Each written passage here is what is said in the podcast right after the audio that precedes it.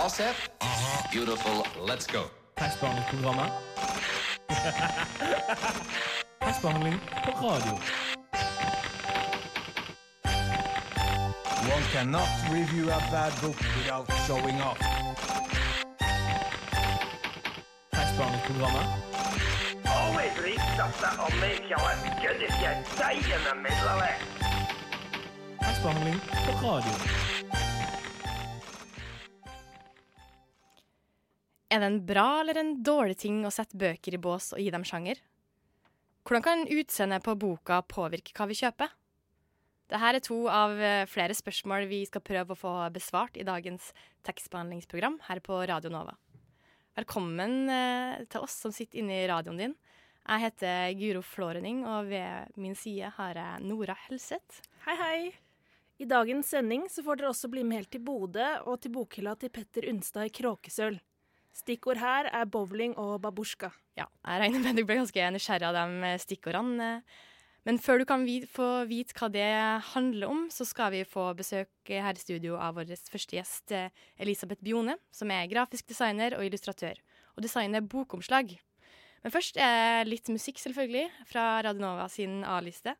Det er Dolce med 'Han i hand. Tekstbehandlingsprogrammet kan du høre hver onsdag mellom 10 og 11 på Radio Nova. FM 99,3. Hjertelig velkommen hit til tekstbehandlingsprogrammet, grafisk designer og illustratør Elisabeth Bione. Hei, og takk for at jeg fikk komme. Det var Ja. hyggelig. Veldig hyggelig. Eh, Du jobber jo med å designe bokomslag i forlaget Cappelen Dam. Eh, og da lurer vi litt på litt først litt sånn Hva er det som er viktig med et godt bokomslag? Ja, det, altså, det er vanskelig å svare sånn kort på det, men jeg syns at det aller, aller viktigste et bokomslag gjør, det er å få folk nysgjerrige på boka og gjøre at de går bort til bokhandelen eller hylla i bokhandelen og så plukker opp boka og leser bakpå og finner ut hva den handler om, og om det er en bok for dem, da. Ja, når man eh, lager et cover, så tar man jo en tekst som gjerne er på flere hundre sider, og gjør den til ett enkelt bilde. Hvordan er det dere bearbeider og jobber med teksten? Eh, Jeg prøver i hvert fall så godt det lar seg gjøre å lese hele manus, eh, sånn at jeg får danne meg et bilde av hva, hva er temaet i boka, hva er det som er det viktige. Og så er det viktig å ikke gå i den fella og tro at du skal lage en sånn slags sånn rebus som gjør at du kan lese hele boka ut fra omslaget. Du skal jo fange essensen, og så skal du eh, også gi det en slags sånn plakateffekt, da. Sånn at Akkurat som en kinoplakat skal liksom få folk nysgjerrig på filmen. Eh, har, du noe konkre har, du en konkret uh, bok som du kan komme et eksempel med? Altså Hvis du tenker på omslaget som Stian Hole lagde til Halvbroren for Lars Abbe Christensen, så er det, det er et ikonisk omslag som du husker det hvis du har sett det eller lest boka, så husker du det bare du tenker på ordet Halvbroren. Ja, hvordan ser det ut? Det er en, en mann som står og bokser på en blå bakgrunn. Eh, og det, det forteller jo ikke så mye om innholdet i boka, men når du har lest boka og, og sammen, tenker på boka sammen med omslaget, så husker du igjen boka pga. omslaget også. Samtidig som det er et veldig spennende omslag som gjør at det er veldig sånn, sterke farger og et, et klart, tydelig bilde. da. Så du får lyst til å gå bort og se på den og tenke hva handler nå det her om? Er det om en bokser, eller hva er det, liksom? Eh, men når du jobber Når du skal lage et omslag til en bok, eh, hvordan leser du da boka? Eh, Jeg leser jo litt sånn annerledes enn det du leser som vanlig leser. Da. Du leser liksom litt fort og litt slurvete, samtidig som du er veldig oppmerksom på, på små, rare detaljer eller gjenstander som kan brukes, eh, stemninger. Det er, sånn, er det en trist bok? Er den, er den morsom? Det er, det er sånne ting du ser etter. Og så er det viktig hvis du skal vise hovedpersonen. Har, har hun lyst hår? Har hun brunt hår? Du må liksom gjøre deg sånne notater. da. Det en, skal det være en bil på omslaget, så er det viktig at det er riktig bil. Jeg brukte jo veldig veldig lang tid en gang på å finne ut hvordan en Ford eh, Chevy i en viss årsmodell så ut. Og til slutt så oppdaga jeg at forfatteren hadde faktisk beskrevet eh, 56-modellen, ikke 57-modellen, som han ville at jeg skulle finne bilde på. Ja, så det blir, det blir veldig mye sånn sære ting man kommer borti, da. Ja, for hvordan eh, For det her regner jeg med at det er jo en prosess for deg også. Ja, ja, absolutt. Og så er det noe med at du har kanskje en tanke om hva slags omslag du har lyst til å lage når du begynner, for du vet jo hvilke sjanger boka er i. Om det er en smal, veldig sånn litterær tekst, eller om den kan nå et bredere publikum, da. Eh, Men så leser du boka, og så plutselig får du kanskje et bilde i hodet som du får lyst til å prøve ut Og noen ganger så får man en idé som du tror er en kjempegod idé, og så viser det at den kan ikke visualiseres. Og andre ganger så, så går det veldig lett. Men er du ofte redd for at du skal sette boken i en spesiell bås når du lager omslag? Mm, ikke egentlig, for jeg føler at det er litt min jobb òg. For vi er eh, Vi skal liksom hjelpe kunden med å finne den boka de leter etter. Det er sånn, Hvis du skal kjøpe krydder, så vil du gjerne vite om du skal kjøpe liksom kanel eller om du kjøper karri. Det er liksom, det er ikke hipp som happ hva du kommer hjem med. Og sånn er det jo litt med bøker òg. Noen ganger så kan du bli overraska og kjøpe en bok du ikke egentlig hadde tenkt å kjøpe. Men er du på jakt etter krim, så er det jo lettere å finne et, en krimbok hvis den ser ut som en krimbok. Så det er litt min jobb. Hvordan ser en krimbok ut, da? Ja, De er veldig ofte svarte, hvite og røde. Uh, ofte Ja. med litt sånn kraftig maskulin typografi, gjerne litt sånn der rufsete og, og sånn. Så er det jo ofte veldig mye blodåger og sånn, da. Det, da. Da er det liksom krim med en gang. Men eh, når du er i prosessen med å lage eh, coverne, eh, hvor mye samarbeider du Eller hvilket samarbeid har du med forfatter og, og markedsavdelinga i eh, forlaget? Eh, Det varierer faktisk veldig mye fra bok til bok. Nå jobber jeg både med norsk skjønnlitteratur og med oversatt skjønnlitteratur. Og eh, oversatt skjønnlitteratur så er vi ofte mye friere, rent bortsett fra at vi til slutt må få godkjennelse på omslaget fra agent eller forfatter.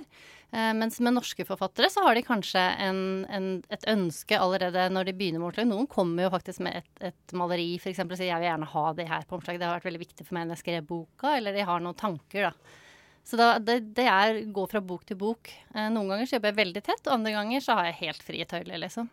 Og så er det jo sånn også at hvis en, noen, eller forlaget tror veldig på en bok og tenker at denne kommer til å selge skikkelig mye, da er det jo selvfølgelig også markeds- og salgsavdelingen. Da bryr de ganske Eller bryr seg mye om hvordan boka ser ut, da. Og så prøver vi å få uh, vise det fram til flest mulig før det blir trygt, sånn at uh, vi er sikre på at flest mulig liker det. For dere har en eh, Ja, i hvert fall med en sånn stor bok, da. eh, Har dere en, så det er en Bokomslaget blir på en måte en del av markedsstrategien, da. Ja, eller er, nå jobber vi veldig sånn Vi har veldig sånn kort pros, Altså prosessen i Norge er ganske kort. Fra manuset kommer til meg til boka ligger på trykk, så går det kanskje åtte uker. Mens i USA så går det kanskje et år fra designeren lager omslaget til den faktisk ligger i bokhandelen. Fordi de selger inn bøkene på en annen måte. Men vi prøver jo uh, å vri det her litt grann nå, for vi ser jo at det er en stor fordel å ha omslaget klart når de skal ja, presenteres på internett eller ut til bokhandlerne, så er det mye lettere for de som kjøper inn for bokhandelskjedene også, å vite hvordan boka skal se ut. For da kan de både kjenne igjen, og så kan de lage sine kampanjer og materialer og sånn. Tenker dere mye profitt når dere lager coveret? Um, det, er, altså, eh, det er jo ingen som egentlig, som jeg vet om, i hvert fall, som har forska på om et omslag får en bok til å selge mer eller mindre. Det er veldig lett å si at uh, hvis en bok sel- selger dårlig, så er det, det er nok omslaget. Og hvis den selger veldig bra, så er det ja, det er nok uh, markedsavdelingen har gjort en kjempejobb. Men uh, det er Jeg vet ikke. Uh, vi prøver ikke å gjøre det for dyrt, for det, det er jo eh, Man tjener jo ikke kjempemye penger på, på veldig mange av de bøkene vi utgir. Tjener jo ikke mye penger. Uh, og da prøver vi ikke å bruke altfor dyre materialer som gull og preg og stansing og sånne ting.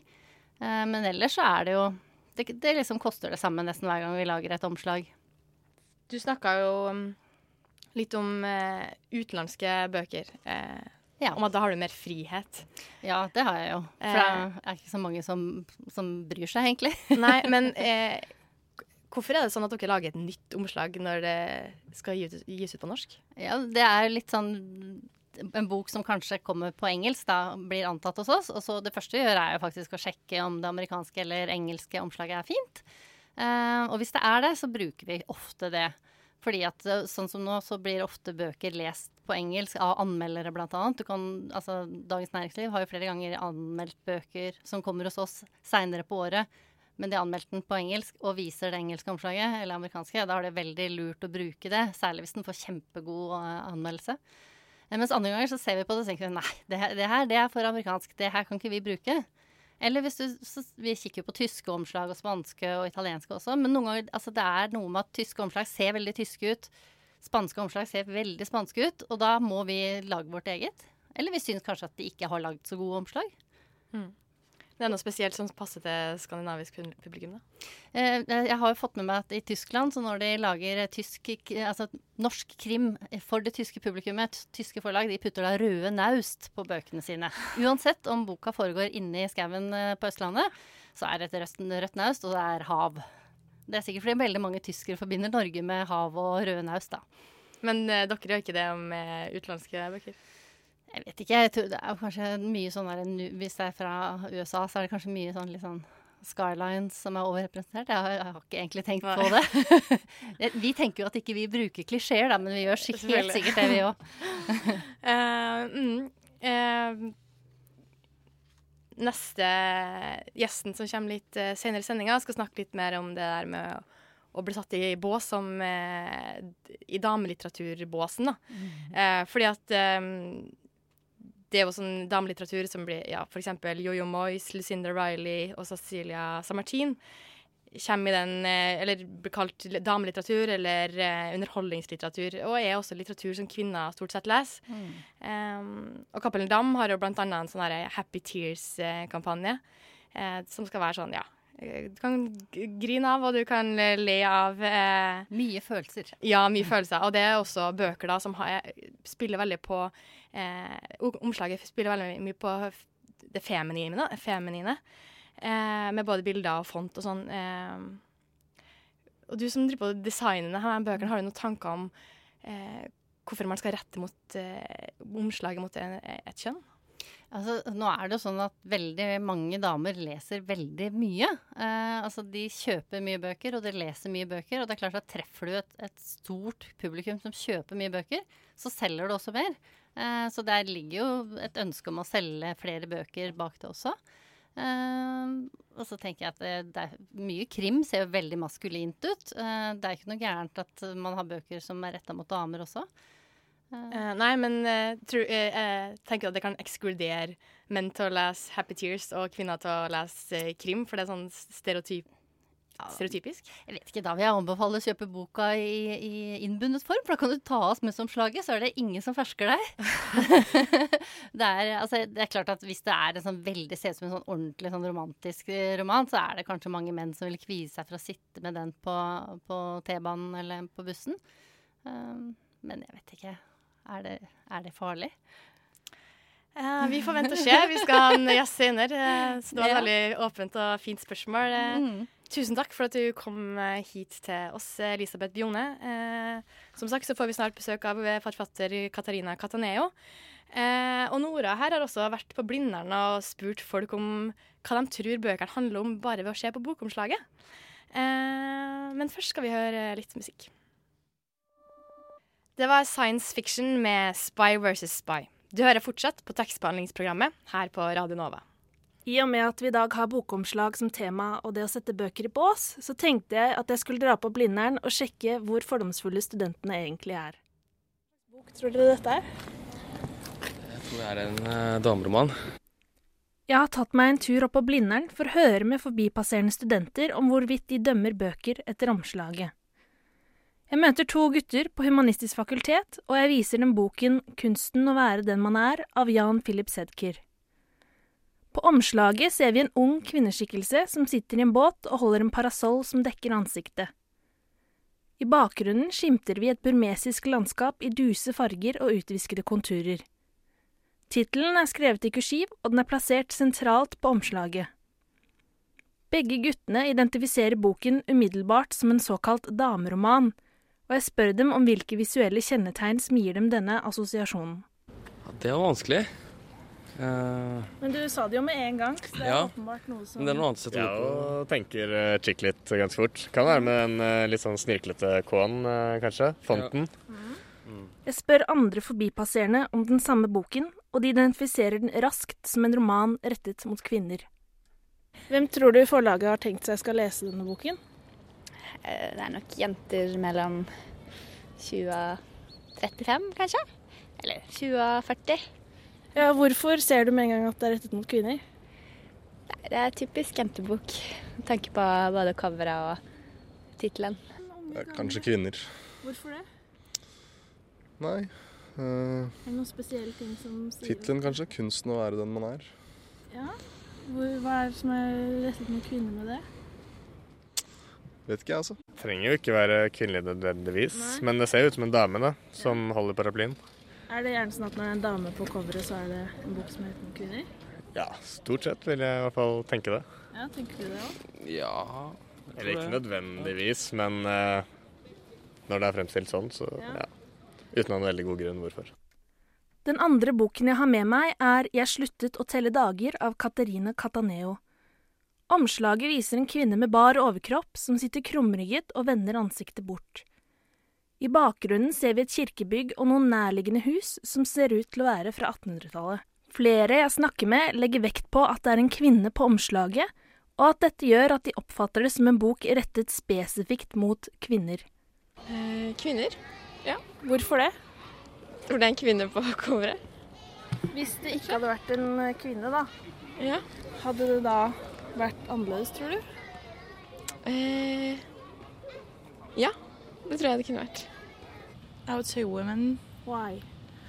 Um, because I think it shows woman, oh, woman, and it connects with women, so it might be more like catching eye for.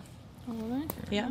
Ingen av guttene jeg snakker med, kunne tenke seg selv å lese boken, og de ser heller ikke for seg at de ville plukket den opp og tatt en nærmere titt dersom de skulle sett den i en bokhandel. Ville dere plukket den opp og lest den? Mm, nei, jeg ville ikke gjort det. Ville du ha lest en sånn her bok, tror du, hvis du hadde sett den i bokhandel? Um, tviler. Eh, nå har jeg ikke sett hva den handler om, da. Men eh, Men ut ifra coveret så er ikke det noe du ville plukket opp i butikken? nei, det er det ikke. Ville du lest den, da? Jeg vil ikke lese den. nei. Hvorfor ikke? Jeg vet ikke. Would you read the book? Do you think you would pick it up in the store? I don't think so. Why not? Because uh, it's like I'm not into such problem solving books, let's say. hmm You think it's a problem-solving book? I mean, problem solving in case of uh, case of like emotions of that women. hmm So, So, because I- it's about women, you don't want to read it? Yeah, yeah. Basically? Let's, yeah, let's say so. Til slutt spør jeg gutta utafor Humanistisk fakultet om hvor ofte de selv leser bøker skrevet av kvinnelige forfattere. Oppsiktsvekkende lite. Hvorfor det? Nei, det er ikke egentlig noen grunn. Det kommer kanskje ofte av temaene. Ja, som? Flaut lite. Velkommen til tekstbehandlingsprogrammet, forfatter Katarina Cataneo. Tusen takk. Eh, du har jo sittet her med oss nå og hørt på innslaget som eh, Nora har laga. Eh, der de fleste sier at de eh, tenker at boka di, eh, som er den siste boka her, eh, handler Eller passer best for kvinner, ved bare å se på bokomslaget. Eh, hva tenker du om det? Du aner ikke hvor mange tanker som gikk gjennom hodet mitt da jeg hørte dette. Ehm, så jeg skal prøve å, å sortere litt, da. Eh, så eh, først må jeg jo si jeg kan forstå svarene. Eh, både fordi jeg antar det er veldig unge mennesker som har blitt spurt. Eh, unge menn som ikke leser sånn kjempe, kjempemye utenom pensum, som jo er mye i utgangspunktet. Ehm, sånn at ehm, jeg, jeg kunne kanskje gjettet at det var svarene du fikk der ute. Eh, men mens jeg satt og hørte på det, så tenkte jeg at det ligger um, Altså det er så delt dette her, ikke sant. Fordi at uh, jeg hadde et annet omslag før dette. uh, som var en dame uh, bakfra med koffert. Og jeg var ikke fornøyd. Så jeg snakket med redaktøren min og forleggeren min, og vi snakket lenge om boken. Og de var enige at hvis denne boken fikk et sånt omslag, så ville man Så ville kanskje de som da gikk på omslag, da, eh, de ville kanskje bli skuffet over hva boken inneholdt. Så vi endret omslaget. Eh, og så kommer vi til del tre, og det er at jeg har skrevet boken. Jeg vet hva den handler om. Eh, sånn at jeg tenker Jeg tenker selvfølgelig på omslaget, men jeg tenker at det skal være pent rent kunstnerisk, ikke sant? Og jeg tenker at det skal være eh, innbydende på en måte som gjenspeiler noe av fortellingen. Da. Eh, men så har jo forlaget noe de skulle ha sagt. Eh, og de har jo også eh, de har forleggeriet, altså de har salg av boka i, i, sitt eh, perspektiv. Eh, sånn at her er det, når, når omslaget blir sånn som det blir, så er det på en måte en ikke en dragkamp, men det er en sånn ja, Diplomatiet har spilt sin rolle da, mellom forfatter, eh, salgspersonell, eh, redaktør og forlegger. Sånn at det omslaget vi kom opp med, er et omslag som alle var kjempefornøyd med. Eh, men jeg blir ikke så veldig overraska, altså. Eh, for hva er egentlig boka di handler om? Her får man inntrykk av at det er en bok for kvinner. Oh no. Um, må bare si, Jeg fikk en melding på Facebook her om dagen. Det var en, som, eh, en tidligere bekjent som endelig hadde somla seg til å kjøpe boka. Og Hun sto og bladde i i bokhandelen og leste på baksida. Da kom det en mann bort på sånn rundt 35-40 år og sa det er den beste boka han har lest på lenge. Så det fins menn som leser den. Boka handler om eh, en mørk del av vår historie. Det handler om eh, leprasyke, altså spedalske pasienter, i Bergen på slutten av 1800-tallet. Mm. Ja, for å være veldig kort. Ja, det- Jeg merker at jeg bruker mye ord nå. ja, nei, men det er veldig fint. Eh, vi skal egentlig snakke mer om det her eh, litt etterpå, men først eh, så skal vi høre enda litt eh, mer musikk. Vi skal høre en låt av eh, La Plage eh, som heter Mark. Vi skal fortsette å snakke om hvordan litteraturen blir satt i bås. Eh, du har jo skrevet, Katarina Cataneo har jo skrevet en kronikk i Dagbladet som heter 'Leve kjønnsorganet'. Der du er litt eh, krass mo- eh, mot den her eh, om å sette det i bås.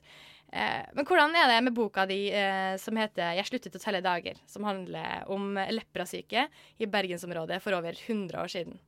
En del av den norske historien. Eh, hvordan har den blitt markedsført som dameroman? Eh, for det er det du sier at den har blitt i denne kronikken. Eh, nei, den er ikke blitt direkte markedsført som dameroman, eh, men det har, eh, det har skjedd ting i forlaget. Altså redaktøren min sluttet før boka mi var helt ferdig. Eh, sånn at det har skjedd en misforståelse der. At den er blitt solgt inn innad i eh, forlaget som en dameroman. Men så begynte ting å roe seg, og jeg fikk nyss om dette her. Så vi har vært Altså, jeg har vært For du ville ikke det? Nei, jeg vil ikke det. Jeg har vært helt tydelig på det. Eh, og de som, eh, de, det er jo ikke alle i forlaget som leser alle bøkene til enhver tid. altså Det kommer jo etter hvert. De kan jo ikke lese alle bøkene som blir laget der og da. Eh, men det er klart at etter hvert som folk leser boka også i forlaget, så skjønner de jo at dette er jo ikke en typisk dameroman. Eh, sånn at eh, den er ikke blitt, den er ikke blitt eh, markedsført utad som en dameroman. Men hva var da bakgrunnen for at du skrev denne kronikken? Det var eh, et innslag eller en reportasje i Dagsavisen eh, hvor min roman sammen med eh, flere andre ble Altså det, ble lagt i en sånn haug, da, med flere andre romaner. Og ordene som feelgood, dameroman, underholdningsroman, underholdningslitteratur ble brukt om disse bøkene, inklusive min. Og da ble jeg sint. Og det var vel egentlig da vi fant ut at det hadde skjedd en sånn misforståelse i forlaget, da. Eh, men eh, jeg eh, ble så sint fordi at For det første fordi det ble kalt for en dameroman. For det, dette er ikke en dameroman. Og da spør du meg hva er en dameroman? ikke sant? For det, det er jo litt av opplegget her, ikke sant? Eh, og da tenker jeg at når du legger den i sånne sjangre, ja, dame, altså at du, du er litt sånn lemfeldig med hvordan du bruker eh, uttrykkene, eh, så ligger det jo for meg Altså det ligger helt der i underteksten. Eh, dette er, det er ikke en sånn veldig velskrevet roman. Eh, er, kanskje man kan la seg rive litt med, men det er ikke god litteratur, liksom. Jeg har brukt åtte år på denne boka. Den er tungt researchbasert, og, og jeg har Man må gjerne etterpå innvende at det ikke er god litterær kvalitet, vær så god, men jeg har bestrebet meg voldsomt for at dette skal være en god roman. Altså også litterært. Ikke bare innholdsmessig, men også litterært. Sånn at uh, de tingene provoserte meg uh, så til de grader at jeg måtte skrive en kronikk. Og der også ble det jo eh, Jeg var jo i dialog med forlaget mitt i forhold til hvilken type roman det var. Sånn at det var ikke, det var ikke noe sånn Det ble jo ikke kalt en dameroman utad, men det er klart at eh, hvis du skal ut eh, Du kan tenke deg selv hvis du skal ut Nå har du nettopp vært ute på gata sjøl med denne boka. Skal ut og selge denne boka, så skal du jo gjøre det du kan for å selge den ut. Det er jo det forlagene lever av. De har det veldig tøft for tida. Så det er klart at Eh, hva som er blitt sagt der, eh, det vet jo ikke jeg. Men eh, eh, hvis man eh, en historisk og Veldig ofte så blir jo Det er jo det som er problemet. ikke sant? En kvinne som skriver en historisk roman, skriver en dameroman. Du trenger ikke å si det. Du trenger ikke å gå ut som forlag. trenger ikke å si 'se, dette er en dameroman'. Du trenger bare å komme med romanen og si 'dette er en historisk roman skrevet av en kvinne'. Så vil alle tolke det som at de har sagt 'dette er en dameroman'. ikke sant? Og det er den, det er den tolkningen jeg vil til livs. Fordi at Hvis en, en mannlig forfatter skriver en, en, historisk roman, så er det viktig litteratur. Hvis en kvinne gjør det, så er det dameroman. Hvorfor tror du det er sånn? Ja, Der tror jeg må gå langt tilbake. Jeg tror eh, kvinner i utgangspunktet, og du ser det jo også i litteraturen, i eh, eh, prisutdelinger eh, Altså så ser du at kvinnen eh, ligger nederst. Eh, altså, jeg, jeg, avslutter kronikken min med å si at alt henger sammen med alt, men bare kvinner henger sammen med halvparten. Og det er sånn det er. Det er litt feminisme i dette her, selvfølgelig. Eh, nei, mye feminisme. Jeg tror at eh, sånn som utgangspunktet til kvinner er i dag, hvor de tjener minst og, og på en måte er, er der, er halvveis hele veien, så gjelder det også litteraturen. Opplever du at dette er litt sånne usynlige mekanismer som man ikke snakker så mye om? Ja, Det snakkes jo om i mitt miljø, da. Jeg er jo feminist. Eh, men ja, eh, kanskje. Eh, når en, en, Altså, hun journalisten eh, som skrev dette i Dagsavisen, hun er jo en velutdannet, intelligent kvinne. Eh, og når hun lar dette gå under radaren på den måten man gjør, sånn som man gjør. Kan, det kan godt hende jeg også sier ting som blir Som av noen oppfatter Jøss, sa hun det, liksom? Når vi kan la ting gå under radaren sånn, så tenker jeg at ja, det ligger der som et sånn uh, dirrende underlag. Du ser det jo i samfunnet ellers. Men uh, kan det ha noe med at det å uh, For er det mulig å kritisere de her bøkene eller innpakninga som dameroman uten å kritisere dem som leser dem? Ja, det syns jeg. Jeg mener at det er to forskjellige ting. Eh, mitt forlag var jo på en måte de som introduserte det som man nå Du er på eh, Juritzen? Ja, Juritzen. Eh, som introduserte denne type omslag da, som da har versert i USA i 20-25 år. Eh, Inger Merete Hobbelstad hun hadde et bilde jeg husker ikke om det var på, Facebook eller på Twitter eller på Instagram, hvor hun hadde tatt bilde av masse omslag i en bok. Eh, nei, en bokhandel. Og alle var kvinner sett bakfra. Eh, hvor hun hadde en litt sånn eh, sarkastisk tekst da, om ja, 'skal du ikke kjøpe meg, jeg er tross alt kvinne bakfra'. Eh, sånn at dette er jo eh, dette, dette, handler jo om hele bransjen. Eh, dette handler om de som kjøper, og det handler om de som selger, og det handler om de som lager. Og det handler ikke så mye om de som skriver. Men det er en tøff verden der ute. Jeg skjønner at man har sjangere. Ja. Men hvorfor, uh, hvorfor må man ha sjangere, egentlig? Ja, Du spør ikke riktig person, altså. Hvorfor må man ha sjangere? Eh, du kan jo bare gå inn i en bokhandel og se. Eh, jeg satt og tenkte over det litt i dag, og derfor syns jeg det var så interessant det du sa. For jeg tenker at jeg er jo en forfatter som ikke selger 100 000 bøker av det jeg skriver. Ennå. Um, det betyr at jeg blir ikke satt på bordene. Eller i Bergen gjør jeg det nå. Der er hele vegger og hele bord, og det er jo helt sånn psyko følelse. Uh, men overalt så blir jo uh, de som selger mye, det, er jo en sånn bestselgerbord som ligger overalt, og vegger. Sånn at hvis du som forfatter skal bli oppdaget utenom det, uh, så må du ha et omslag som folk ser på. og det er jo, det er jo lotto. altså, det er jo som å spille lotto. Altså, Forlagsfolk og salgsfolk de kan dette her. Men det er jo som med manus også. Du kan, du kan ikke vite hva er det som selger denne boka. Er det omslag eller er det historie? Altså, det, går, det er vanskelig å vite hva som gjør at du plukker ned den boken fra hylla. ikke sant?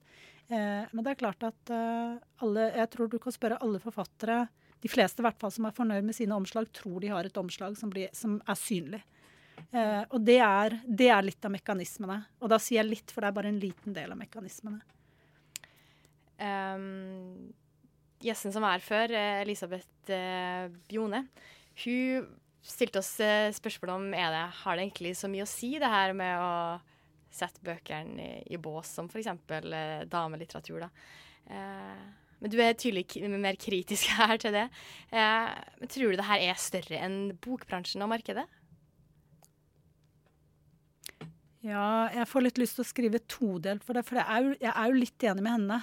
Eh, er dette så viktig? Eh, er det ikke sånn at eh, hvis en bok er god, så er den god? Eh, og så er det mange gode bøker som dessverre går under radaren, men det kommer ut altså denne høsten her. Herregud, det er jo så mange fantastiske bøker. Du skal mye til å, å bli synlig gjennom det. Altså, jeg vet ikke hvor jeg skal begynne å lese. Eh, sånn at eh, ja, jeg tror det er todelt. For det, nummer to så handler det også som jeg sa tidligere, at det, det, handler jo også om disse guttene som sier at ikke de leser bøker skrevet av kvinner. Nå sa ikke jeg kvinneforfattere, for jeg liker ikke uttrykket, men bøker skrevet av kvinner. Um, ja, vi kan diskutere det lenge, uh, men det er sånn at det kvinner opplever, det kvinner gjør, og det kvinner skriver, er ikke så veldig interessant uh, for menn. Eh, mens, det kvinne, nei, mens, det menn skriver, opplever og formidler, eh, det er eh, interessant for både kvinner og menn. Så kan man spørre seg hvorfor. Eh, men jeg mener det sier det hele, for det plasserer kvinnen eh, på et sted som ikke hun hører hjemme. Men tror du det er en del av et større problem i samfunnet? Eller det at eh, kvinnene er underdanige? Ja, det er som jeg sier at uh, det, hand, ja, det, handler jo om at uh, kvinner i utgangspunktet altså Hvis du kan konkludere med Det, det blir jo en altfor enkel konklusjon, selvfølgelig. Men hvis du skal konkludere med at det kvinner skriver, bare er interessant for kvinner, mens, mens det menn skriver, er interessant for kvinner og menn, så kan du jo konkludere med at ja, kvinnen er på en plass hvor hun ikke hører hjemme. Hun skulle vært et helt annet sted. Uh, for det er jo ikke sånn at det er uvesentlig hva vi opplever. Og så kanskje det er det likevel for menn. Hva vet jeg. Tusen takk for at eh, du kom hit til tekstbehandlingsprogrammet, Katarina Cataneo. Eh, vi skal høre en låt. Det svinger da. det svinger oh, litteratur det svinger av. Og så putter vi noe swingmusikk. Tekstbehandlingsprogrammet på Radio Nova. Låta før denne eh, vakre jingeren eh, var av Nebøy Melies og heter Senkva. Tekstbehandlingsprogrammet har starta opp igjen med bokhyllespalter, eh, og det er vi veldig fornøyd med. Det er veldig lenge siden sist, og da har vi satsa såpass stort at vi har dratt helt til Bodø. reporter Ylva Nordbø har besøkt Petter Unstad i Kråkeselv. Jeg tror i hvert fall både jeg og Fredrik det er vi som leser mest. Eh, og det er også vi som skriver mest. Jeg tror vi stjeler ganske mye sånne småting som forfattere formulerer veldig bra, som ofte da setter deg i gang.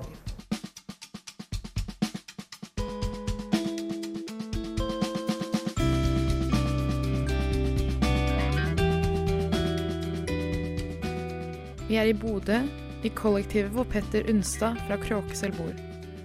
Kaffen koker på kjøkkenet, og vi sitter rundt middagsbordet og studerer bokhyllen hans. Det ser mer eller mindre sånn her ut til vanlig. Jeg pleier å av og til å ta I hvert fall hvis jeg kjøper nye bøker, så prøver jeg alltid å få det til å bli å gå opp. Sånn at det ser ok ut. Uh, og vi fikk akkurat Ganske nylig så fikk vi kasta ut Vi hadde ei hylle som vi hadde dedikert til å ha Jegermeister-flasker i forskjellig størrelse. Da fant vi ut at vi var blitt litt for gammel for. Så det fikk vi kasta ut nettopp. Så etter det, den justeringa ble gjort, så syns jeg det ser veldig bra ut, egentlig. Bokhylla er nyrydda og shina. Men det er ikke bare bøker som pryder den. Nei, er, jeg syns det er ganske mange gode bøker, da, først og fremst. Så er det jo selvfølgelig eh, eh, Kongefamilien i babusjka-versjon. Det er veldig bra. Det er jo veldig fint, for jeg kjøpte han kong Harald, som er den største. Jeg trodde kanskje bare det var én. Og så åpna han og så at dronning Sonja var inni, og så åpna han og så at kronprins Haakon var inni der igjen. Det var så, det, derfor har den fått hedersplass på hylla. da. Så den er veldig fin. Og så er det selvfølgelig bowlingmedaljene som er øverst for Kråkstøl bedriftslag i bowling. da. Petter liker bowling, men han liker kanskje enda bedre å lese. For i bokhylla så er det ikke bare babusjkaer og medaljer. Hvilken sjanger? En vanlig roman om folk som plages. Det syns jeg er fint. Jeg hadde, Da jeg var mindre, var det fantasy som var fett. Men det er kanskje Det var litt mer sånn Harry Potter og Lord of the Rings og de gode greiene der. Nå holder jeg på med Dostojevskij. Det er en ung manns historie. Cool. Um, har du, eller liker du å lese den, eller leser du den litt sånn bare for å ha lest den? Nei, jeg liker veldig godt å lese den. Den er egentlig Jeg lurer på om det kanskje er de litt lettere lettere Dostojevskij-bøkene. Jeg skulle anbefalt Jeg tror det er en bok som jeg tror alle har veldig godt å lese. Den står det er av de jeg har eh, 'Frihetens øyeblikk' av Jens Bjørneboe. Jeg lærte for jeg lærte veldig mye av den. Det er en slags sånn her eh, eh, positiv eh, negativitet i den som Jeg følte egentlig at den lærte meg at, eh, at det går bra å plages litt. Det er ikke alle sjangere som får æren av å være i Petter Unstad sin bokhylle. Hat og krim. Det er ingen krimbøker i hylla. Um, men du virker som du er glad i bøker, da. Har du liksom vokst opp med mye bøker og lesing? Uh, vi begynte å lese, jeg og broren min, ganske tidlig, i hvert fall. Og ble ganske flink. Flink til å lese. Uh, men det har ikke vært sånn her uh, jevn flyt av at det alltid har vært mye bøker. Men jeg alltid likt veldig godt å lese. Jeg liker veldig godt den nederste hylla. Der er det mye rart. Og jeg liker kanskje spesielt eh, biografiseksjonen, der du får eh, fotballegenden Dennis Bergkamp attmed eh, Nirvana, trommis og Foo Fighters frontfigur Dave Grohl og Adolf Hitler. Det, det syns jeg er veldig, en veldig fin seksjon av bokhylla. Uansett, du spiller jo band, og er du med på å skrive noen låter og sånn, eller? Jeg skriver ca. 40% av materialet. Mhm. Jeg tror i hvert fall både jeg og Fredrik det er vi som leser mest. Eh, og det er også vi som skriver mest. Jeg tror vi stjeler ganske mye sånne småting som forfattere formulerer veldig bra, som ofte da setter deg i gang. Det er ofte bare en god formulering du trenger for å klare å finne ut hva du skal skrive. To vers og et refreng på. Eh, Det er veldig mye kred i hylla her.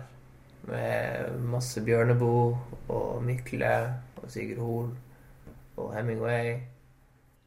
Jeg tror kanskje de havna på en slags sånn her eh, Og solen går sin gang. Hemingway. Det er litt sånn her eh, ungdommelig eh, apati og tiltaksløshet og mye drikking og Jeg tror kanskje det er meg akkurat nå. Eller de siste årene av livet mitt aktiv. Etter en kopp med deilig kaffe og nøye gjennomgang av bokhyllen til Petter Unstad, er det på tide å komme seg ut i kulden igjen. Men det betyr ikke at kvelden er over for Kråkesølv-bassisten. Så her fikk jeg melding om jeg kan bowle etter møtet. Lyset blinka mellom greinene, føttene går som virvelslag. Eh,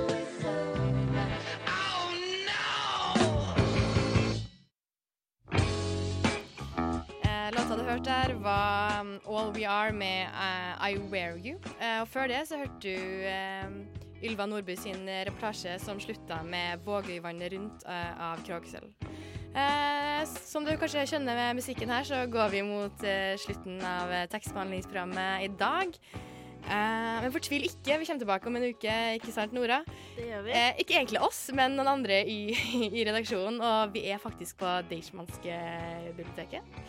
Eh, så der kan vi faktisk komme og se oss live. Så møt opp der klokka ti neste onsdag, så kanskje vi ses.